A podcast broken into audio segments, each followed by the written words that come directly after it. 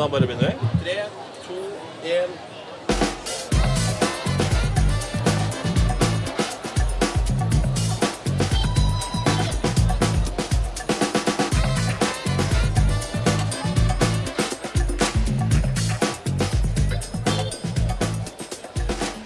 Hallo, og velkommen til Boligsnakk, en podkast fra Boligmappa.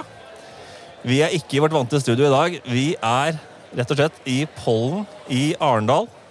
Og det er Arendalsuke, politisk festival. Veldig hyggelig å være her.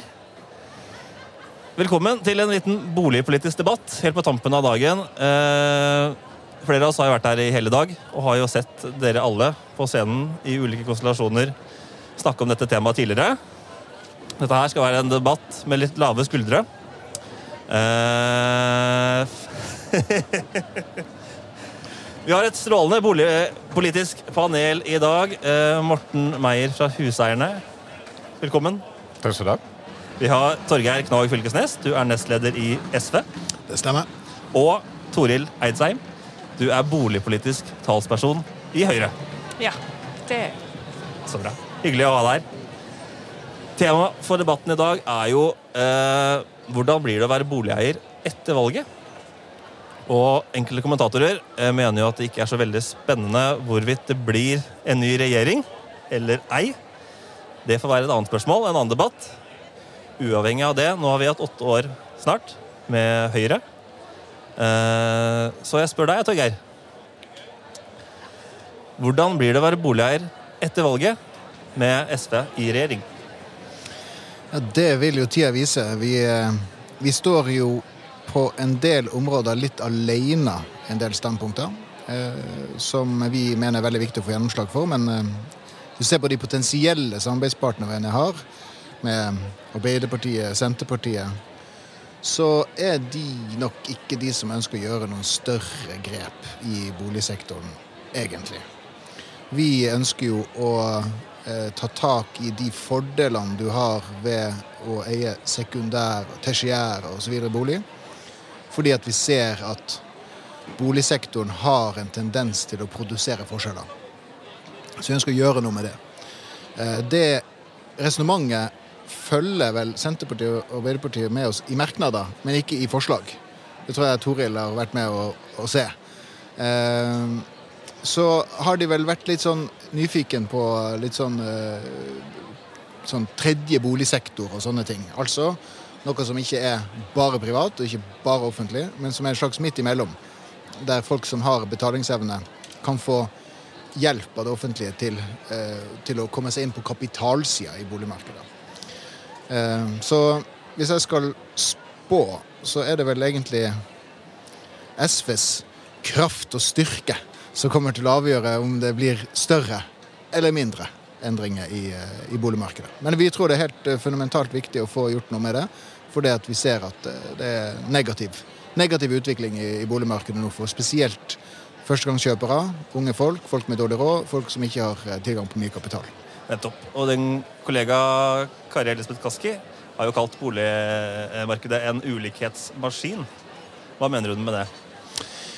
Um, ja, altså det er en, rett og slett en, en fra, fra, å være egentlig sånn, Hvis du tenker på det veldig regulerte delen av boligmarkedet fra, fra 30-40-50 år siden, så var, så var boligmarkedet hadde en rekke virkemidler som gjorde at det var enklere å komme inn i boligmarkedet. Altså Boligpolitikken var veldig, hadde en veldig sterk sosial profil. Eh, I dag så er det veldig lite sosial politikk igjen. Det er for de kanskje aller mest utsatte, og knapt nok de. Eh, og, men det vi ser, det er at i større og større grad så er det de som sitter på mye kapital, som gjerne bruker den kapitalen til å investere i bolig. Eh, og, så, og, og, de som da ikke har den samme type kapitalen, de faller mer ifra. Og så er det jo også en sånn prisvekst her som gjør at, at det problemet der bare øker. Så det, siden det veldig mye penger er knytta til boligsektoren, så er det faktisk en, en maskin for forskjellsutvikling. Nettopp. Dere Høyre har jo sittet på makta nå i åtte år.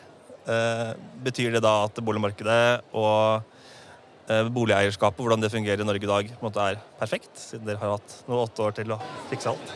Nei, Jeg synes at man skal være ydmyk for de utfordringene som er. Men vi er jo ikke enig i den eh, beskrivelsen som SV kommer med her. Det er kanskje ikke overraskende. Men, eh, men eh, det, det, det, som vi ser, er at det er viktig å skille de reelle problemstillingene mellom, eller, å skille mellom det som er det reelle problemet, og det som faktisk fungerer.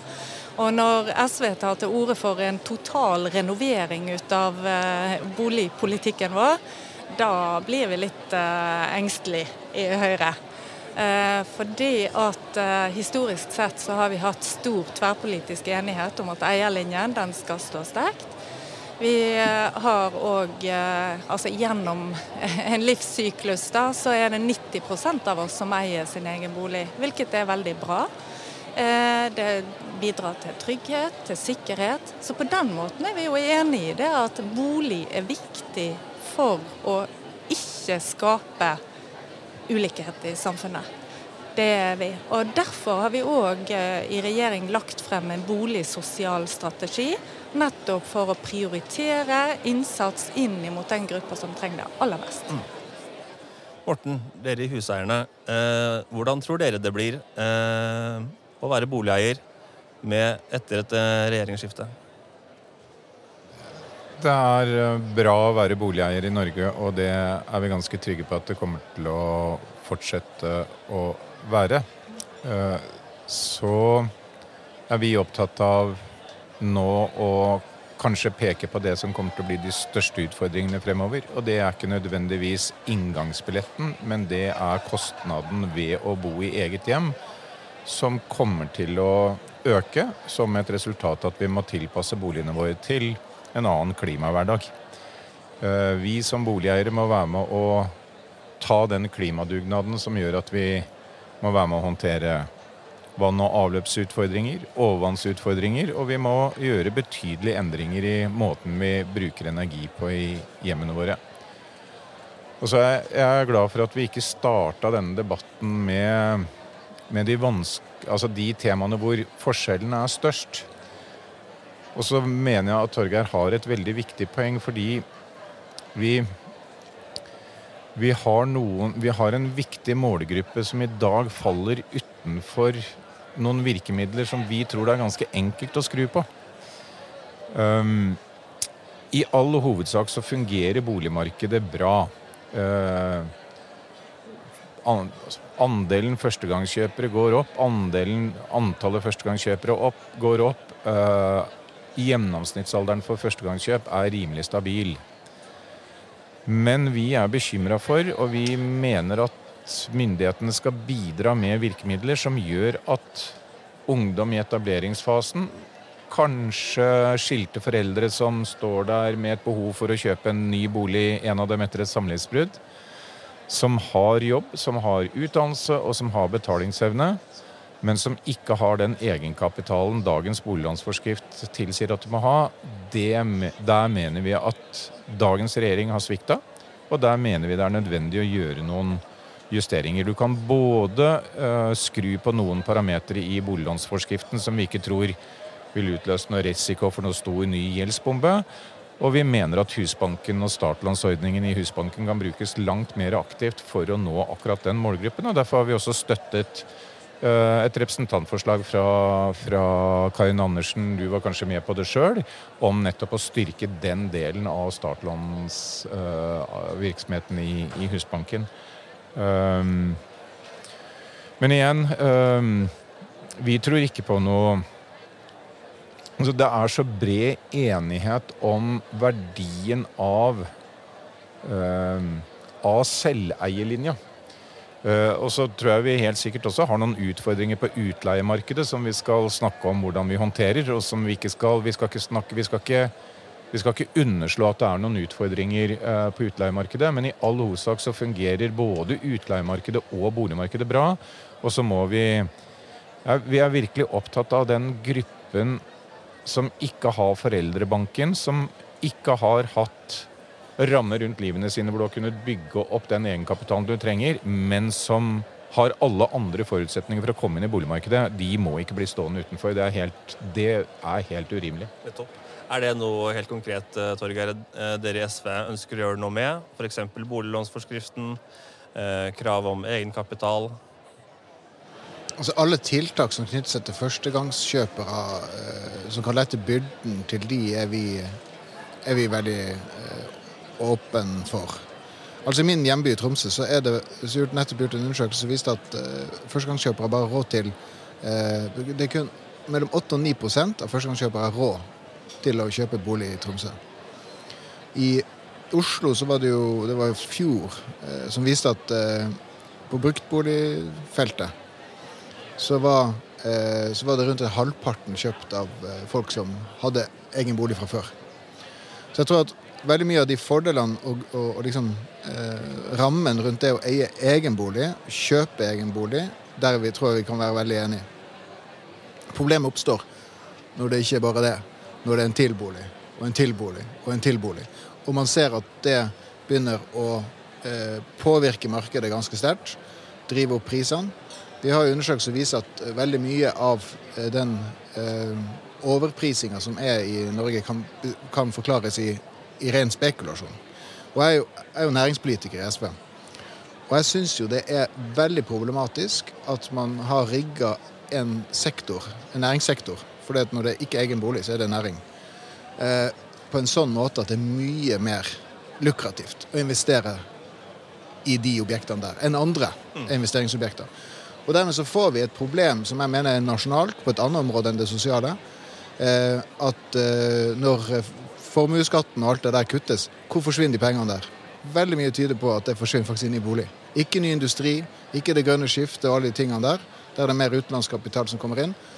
Sånn her er det noen sånne her, eh, viktige nasjonale diskusjoner knyttet både til næringspolitikk og, og, og sosialpolitikk som henger veldig fint sammen. Som, er, som, gjør at vi skal ikke revolusjonere folk der folk bor, men vi ønsker å gjøre grep som gjør at eh, folk lettere kan komme seg inn, og at vi får mer harmonisert næringspolitikk. Men i den sammenhengen så skulle nok vi ønske oss en litt annen tone i debatten. Fordi vi representerer landets boligeiere. Altså, vi har sånn 15% av landets boligeiere er medlem hos oss. Og det er ikke spekulantene. Det er, den, det er snekkeren, det er ingeniøren, det er selgeren, eh, det er førskolelæreren som kjøper boligen for å bygge et trygt hjem rundt sitt eget liv. At dere diskuterer løsninger for hvordan uh, eieren av heimstaden skal skattlegges for alle de utleieboligene han uh, leier ut, det har vi et avslappet forhold til. Vi har støttet denne regjeringens uh, endringer i beskatning av sekundærbolig. Når jeg står sånn uh, når vi hjemme vurderer hvordan skal vi spare til pensjon, og hvordan skal vi plassere og liksom spare pengene og tenke langsiktig, så finnes det mange muligheter til å gjøre det. Noen velger å kjøpe en sekundærbolig, og at den beskattes like hardt som andre investeringsobjekter, det støtter vi opp om. Selv om det er en privatperson og et av våre medlemmer som kjøper den boligen, så skjønner vi at en bolig du leier ut, og som du har kjøpt som en del av din langsiktige sparing, den må du skattlegge på nøyaktig samme måte uh, som du skattlegger andre formuesobjekter. Og sånn er det jo blitt etter de endringene som, som den regjeringen Toril representerer, har gjennomført. Uh, og så skal ikke vi blande oss egentlig inn i den debatten om hva du gjør der hvor du driver næringsvirksomhet knytta til eiendom og, og, og, bolig, for det er, liksom, det er ikke vår greie. Men vi er veldig opptatt av å, å beskytte hjemmet til den vanlige familien. Ja, hvis jeg kan få kommentere dette litt. For det er at eh, som i så veldig mye annet, så er det en balansegang her som skal ivaretas. Og eh, vi, vi, må ikke glemme at vi skal ha et sunt leiemarked. Og i Norge så er hovedandelen av de som leier ut, de er faktisk private. Uh, og vi må hjelpe de til at det skal være ålreit å leie ut, altså at det er profesjonalisert på en god måte, sånn at man er trygg som leietaker. og Der har regjeringen gjort en rekke tiltak for å få dette bedre, for det har ikke vært godt nok. Eh, men i tillegg til dette, så eh, kanskje litt overraskende, da, men eh, Høyre og SV er ikke så veldig uenig i at Det skal ikke lønne seg å investere i bolig fremfor å bruke pengene på noe som kanskje kan være bidragsytende til økt verdiskaping for samfunnet. Så det, at det må være en balansegang her som er god, og derfor så har vi òg gjort noen innretninger knytta til skatt, skatt og avgifter som skal gi insentiver for at man ikke primært putter pengene sine i bolig, eh, men at kanskje velger å investere det i andre ting, som er jobbskapende f.eks. Eiendom Norge lanserer jo eh, halvårlig den såkalte sykepleierindeksen. Eh, hvor de ser på hvor mye kan en, eh, en eh, enslig person med normal, eller egentlig god inntekt, 600 000 gjennomsnittlig, eh, hvor, eh, mye har de råd til på ulike steder i, i landet vårt. og Den ble lansert i dag. I Oslo går den prosenten stadig nedover. Nå var det 1,3% av leilighetene kan en person med 600 000 i årslønn kjøpe i Oslo. Hva tenker dere om det, Morten? Det er ikke bra i det hele tatt. Um, og så er spørsmålet hva gjør du med det? Um, uavhengig om du tenker deg en tredje boligsektor, eller om du tenker deg dagens løsning hvor det er markedet som regulerer dette, så er det vanskelig å komme seg unna av at du må bygge flere boliger. Um, uh, vi tror at tilbudssiden er helt avgjørende, for det er veldig vanskelig å regulere etterspørselssiden. Uh, fordi at folk skal ha et bo, sted å bo, og uh, folk har en tendens til selv å ville bestemme hvor de skal bo, og da er, da er tilbudssiden viktig. Erling Rød Larsen på, på Oslo Housing Lab har med akademisk presisjon beregnet at 10 000 nye boliger i Oslo uh, vil resultere i en 10 uh, prisreduksjon på boligprisene. Og så sier ikke jeg at det er noe quick fix å bygge 10 000 nye boliger i Oslo. Det ligger masse konflikter i det. Du skal tenke langsiktig, god utvikling av bomiljøer som skaper gode rammer for liv over en lang periode. Men jeg tror det er viktig Altså, om du skal tilby uh, tilby de boligene innenfor den tredje boligsektoren, så må du også bygge de boligene. Uh, det, så den, den, evnen vår til å regulere og få fart på boligbyggingen, den helt uavhengig av hva slags boligmodell du har, så blir den ganske viktig da, for å få løst den problematikken. Nettopp. Men hvis man er 22 år og ønsker å kjøpe seg en leilighet på Grünerløkka, er det et stort, stort, problem at ikke de får lov til det? Nei, det er ikke noe stort problem. Det er ikke noe stort problem at en 22 år gammel student ikke får kjøpt seg eh, den leiligheten i det mest sentrumsnære av Oslo. Men det er et problem hvis den arbeidskrafta som bidrar til å sikre gode velferdstjenester og det at vi lever gode liv i byen, ikke har råd til å bo nær der de skal jobbe. Hvis du skyver viktig arbeidskraft som skal bidra til at samfunnet fungerer bra, ut for langt ut av byen. Eh, og det er ikke bra for eh, Det er ikke bra for velferdssamfunnet vårt. Eh, men jeg syns Dagens Næringsliv og NRK lager noen lidelseshistorier for folk som vi altså, I går var det en 45 år gammel mann som klaget for at han ikke klarte å spare penger til å kjøpe en sekundærbolig. Jeg klarer ikke å synes synd på dem. Enig. Hva tenker du, dere SV? Er det, er det, et problem at så få med vanlige inntekter har råd til å kjøpe en leilighet i Oslo sentrum? Eller er det Tallene viser jo også at uh, dette er et fenomen som gjelder Oslo, Asker og Bærum i all hovedsak. Mens de fleste andre steder så kan folk flest kjøpe uh, bolig sentrumsnært. Altså, jeg tror nok Det er flere dimensjoner her. Det ene er jo at det er liksom hva type samfunn er det vi ønsker å omgi oss med. Uh, Alle byer nå i Norge Eh, med kanskje unntak av eh, noen byer her på Sørlandet, eh, så ser man at det er en kolossal prisvekst, der du må faktisk være ganske velbemidla for å kunne etablere det. Og Da blir spørsmålet skal byer bare være for rike folk. Og du er jo inne på det at det er en arbeidskraftsdimensjon i dette her, og så er det rett og slett en sånn form for eh, samfunnsdimensjonen i dette. At vi ønsker å vi ønsker å samfunn med, som utsetter, der vi blir utsatt for ulike typer eh, varianter i livet. Så jeg tenker, det er liksom grunnleggende spørsmål. Eh, så tror jeg at eh, Nå kom det en rapport fra SSB-forskeren en sånn eh, eh, om boligpolitikk. Eh, jeg husker ikke referansen akkurat nå, men han mente at dersom du gjennomførte tiltak der du tok ut fordeler ved sekundærbolig osv., skattesubsidieringer som er der, så ville du få en potensiell nedgang i pris eh, på 20 det, det er såpass mye at det der må fases inn. ikke sant? For Hvis ikke så blir det for fort og, og, og, sånt. Så det må fases inn, men det må fases da så raskt som, som bare det. For jeg tror at det å ha en, en bykjerne som er kun for noen få, det er, det er oppskrift på mye negativt på alle mulige måter.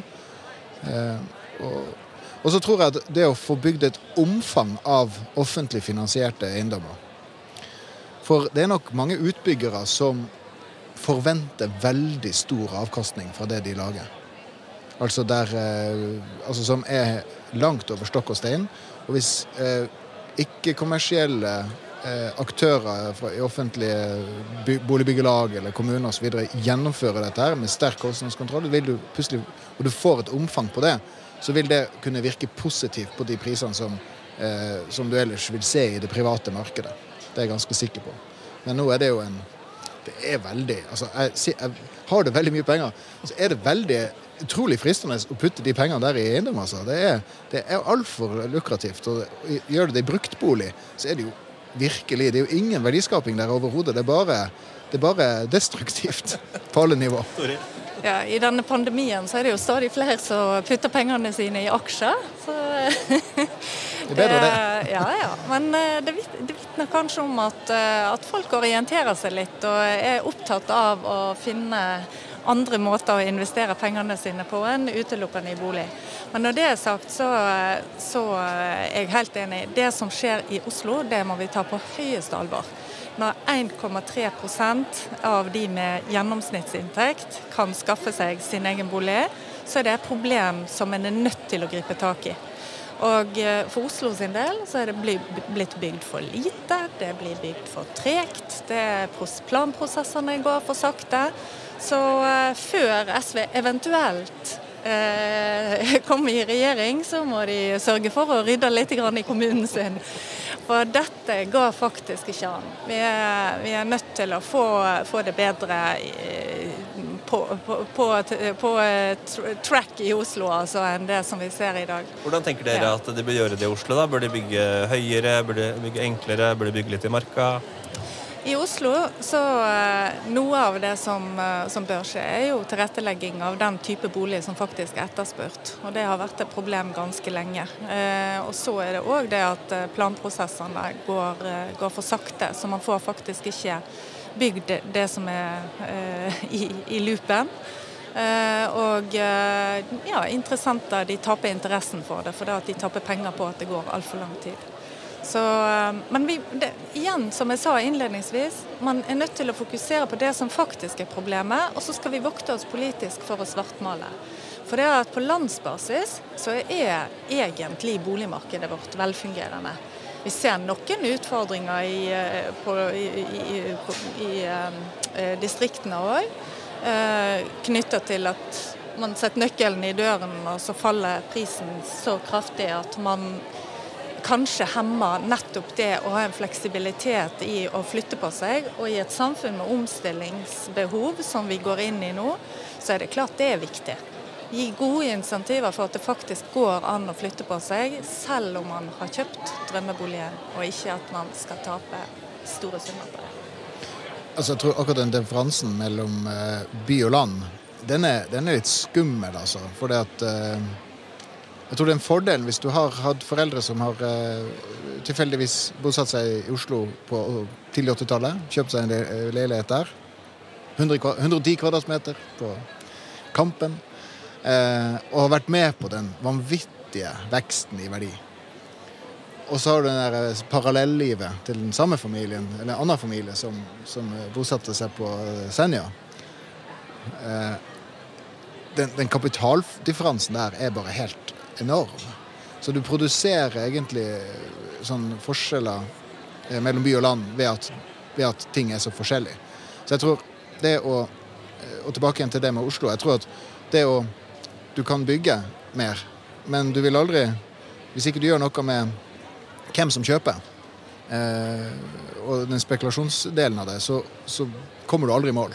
Så du må gjøre noe med det og, og, eh, og, og samtidig bygge opp eh, en større andel av sånne her tredje sektor-boliger. Da tror jeg, da kan du begynne å bringe ned eh, og, og skape et levelig sted for eh, folk med inntekt. Vanlige inntekter. Morten? Ja øh, Vi tror jo at kommunene kan gjøre noen ting som Altså du kan f.eks. i tilknytning til regulering av tomter stille krav om at du lager mer boligbyggelagsmodell. Eh, For gjør du det, så vil du begrense muligheten til sekundærbolig, eh, utleie, hele pakka. Og du vil senke inngangsbilletten. Eh, Så vi har tenkt at hvis man er veldig bekymret for at man skal bygge dyre boliger eh, i de mest attraktive områdene i Oslo som ikke er ferdigregulert nå, så kunne du jo tenke deg at du stiller krav om at flere av de boligene skal ligge i en boligbyggelagsmodell. Så tror jeg det er litt påstandsorientert, men det er litt med erfaring fra å ha vært lokalpolitiker og møte offensive, aggressive utbyggere.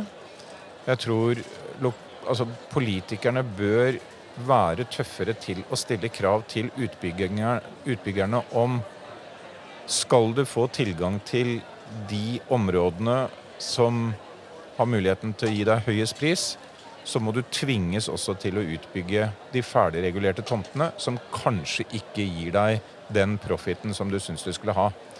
Altså Det å få fart på de byggeklare tomtene i Oslo, det er delvis et Oslo kommune-ansvar, men det er også utbyggere som vegrer seg fordi de aller helst vil drive utbygging der hvor de kan få 10 20 30 40 000 kroner mer per kvadratmeter. Og det å være tøff som eh, kommunepolitiker da, si at nei, det får dere ikke lov til før de tomtene er bygget ut, det er også en måte å få opp boligproduksjonen på, og det er en mulighet til å få opp en boligproduksjon på områder hvor boligprisen og inngangsbilletten vil være vil være lavere. Så det, jeg tror det finnes noen grep å gjøre som ikke vil være noen revolusjon i boligmarkedet, men som kan bidra til å dempe det som jeg tror alle tre, eller hele alle, alle er enige om at vi kan ikke fortsette sånn. Dere i Huseierne er jo en interesseorganisasjon for huseiere, boligeiere, Boligeiere. boligeiere over hele landet, fra Senja til Grünerløkka. Er det utfordrende når det er såpass forskjellige utfordringer man har? Ja, men det tror jeg Altså, det er, det er jo utfordrende for dere som skal sitte og eh, utforme en fornuftig, treffsikker politikk på disse områdene. Det er eh, vanskelig for oss som deltar kall det i debatten, og det er derfor det også er viktig å se at uh, Jeg tror vi, altså, Det er også en generalisering, da, men boligmarkedet består av Det er to boligmarkeder. Det er Oslo mot Røkla, eller mot resten. uh, uh, så, så jeg tror vi må tørre å tenke at det kan være behov for litt andre virkemidler i Oslo enn det det er i resten av landet. Og så vil du kanskje få pressområder andre steder som vil, som vil få de samme utfordringene som Oslo, hvor du kan kanskje tenke deg å flytte på det. Uh, dere har helt sikkert hørt eksempelet Kristiansand tidligere. Altså politikerne, bredt politisk flertall i eh, Kristiansand sammen med utbyggerne har vært opptatt av å skape balanse i tilbud og etterspørsel. Eh, regulert, bygget ut og har holdt prisnivået på et prisnivå som utvikler seg omtrent som pris- og lønnsvekst. Og det er jo vi også opptatt av. Altså, landets boligeiere er jo ikke opptatt av ønsker seg jo ikke og er ikke tjent med en prisutvikling på egen bolig som over tid utvikler seg dramatisk annerledes enn prisen på altså pris- og lønnsvekst for øvrig. Og det er jo fordi vi er jo ikke bare i boligeiere, men vi blir jo etter hvert foreldre til unger som skal ut i dette boligmarkedet, og vi er jo opptatt av at de også skal ha, ha muligheter. Så, sånn, ja. Mm. Det er derfor jeg tenker sånn jeg, jeg, Vi kjenner vel ikke på medlemmene våre som spekulanter og veldig opptatt av en verdistigning utover en rimelig avkastning knytta til egen lønns- og prisvekst. Jeg synes det var interessant det du nevnte tidligere i dag, at dere huseierne tenker kanskje vel så mye på hvordan det blir, altså de langsiktige bokostnadene. At det kanskje er et større problem enn komme seg inn på markedet eller ikke. Vi er i hvert fall opptatt av at både kommunepolitikere og politikere på storting og regjering ser, noen, ser de utviklingstrekkene vi dokumenterer årlig gjennom vår bokostnadsindeks. Um, og da Altså da um, Bokostnadene, og særlig de bokostnadene som er knyttet til det vi betaler for fellesfinansierte tjenester, de vokser, og de kommer til å fortsette å vokse. Det er, det er som et resultat av at vi skal betale for et stort etterslep i vann og avløp. Vi skal håndtere en overvannsproblematikk som, vi, som det er vanskelig som boligeier å rømme unna å være med å finansiere. Og med, eh, med en firedobling av prisen på CO2 så kommer grønn elektrisk kraft til å bli dyrere. Eh, Det er en del av, det er en del av elektrifiseringen og den grønne omstillingen i Norge. Eh, Og det gjør at eh, det kommer til å bli dyrere. Og vått og villere vær, som vi skal håndtere med egne overvannstiltak og smarte ting, kommer til å gjøre boligene våre mer utsatt. Forsikringspremiene kommer til å gå opp. og det vi må bare passe på at den kostnadsveksten ikke utvikler seg i et tempo som blir vanskelig å håndtere for folk med vanlige jobber og vanlige inntekter. Eh, vi nærmer oss slutten. Et siste tema. Det er jo et stort et. Uh, uh, miljø og klima er jo kanskje årets største sak. Vår tids viktigste sak, mener mange. Tidligere i podkasten har vi hatt besøk av Anja Bakken Riise fra Framtiden i våre hender. Og hun fortalte oss, hun skriver en bok nå, hun sa at boligsektoren står for 40% av energiforbruk i Norge og 15% av klimautslippene. Mesteparten av utslippene kommer fra byggefasen, eh, men også en betydelig del fra når man bor der, og drift. Eh, eh, Torgeir, SV er jo et uttalt klimaparti. Hvordan tenker du at boligsektoren kan være med å utgjøre en forskjell her? Jo, det er veldig mange ulike typer ting. Men jeg tror jo at alt det som skjer nå med å gjenbruke ting, altså f.eks. Når man demonterer et hus eller en fabrikk osv., så, videre, så er det jo sikkert 80-90% anslås det, som er fortsatt brukbart. Som det går inn i en, i en økonomi igjen og tas i bruk, ikke bare brennes eller kastes på en eller annen måte. Og De kravene kommer jo galopperende eh, allerede. Eh, som nok kommer til å påvirke alt vi bygger og gjør i tida som kommer. Eh, så det, så det, liksom, det, det er på det nivået. Sånn grunnleggende nivå.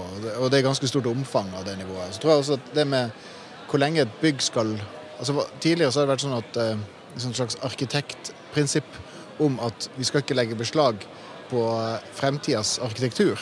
Ikke sant? Det skal være en varighet på bygg som skal være så og så lenge. Eh, fordi at vi kan ikke Vi skal ikke bygge katedraler, ikke sant. Eh, men jeg tror at vi, liksom det å få en mye mer eh, langsiktig tenkning rundt hvor lenge, et, eh, hvor lenge bygg skal vare, at det kommer til å komme inn. Og det vil ha en kostnad i seg. Og så er det jo alltid fra dette med energi og alle de der byggeplassen og, og de spørsmålene der, som ikke er lett. Altså Jeg sjøl drev på i sommer og bygde om eh, et hus. Jeg brukte to og et halvt år på det. Etter Tech 17. Nettopp. Og det er et helvete. Unnskyld uttrykket. eh, og eh, altså de veggene der, de er så tett. Hvor mange lag skal ikke du bygge inni der, og hvor tett skal det ikke bli? Men eh, eh, liksom alt det som knytter altså Det er jo store kostnader knytta til det der, eh, som vil nok være drivende. Det å finne gode løsninger eh, på det der, Mm. Det blir veldig viktig, altså. Toril, hva tenker dere? Ja, jeg òg deler, deler den, eh, den, tanken om at det er, det er, viktig at vi gir gode insentiver for at man eh, gjenbruker i mye større grad enn det som har vært til nå. Og Det kan du jo bare se på offentlige bygg uh, i sitt, sitt, store og hele. Altså når det at man skal av, avslutte et bygg der, så er det veldig sjelden dessverre at man eh, evner å gjenbruke det. Men i Bergen så har vi et eh, prosjekt nå. Det er Lærerhøgskolen som i, sammen med andre, eh, bl.a. Eh, Bergen interkommunale renovasjonsselskap, har med leverandører etc., så jobber de sammen for å se på hvordan dette kan brukes. Og da, Vi sitter jo begge i teknogrupper på Stortinget, og jeg tror, har stor tro på at teknologien her kan egentlig bidra til å hjelpe å analysere type avfall etc. Hva kan gjenbrukes, og hva kan ikke gjenbrukes. For Det, det, det som de sa på en tidligere debatt her i dag, som vi diskuterte nettopp dette, faktisk. Og det er at stål er ikke alltid stål, og betong er ikke alltid betong. Eh, så det Gamle materialet kan kort og godt være farlig avfall, og da eh, stiller jo saken seg annerledes. Men det å ha god kunnskap om byggene våre i fremtiden, det vil jo nettopp bidra til at vi har en god kontroll og kan bruke det på nye måter.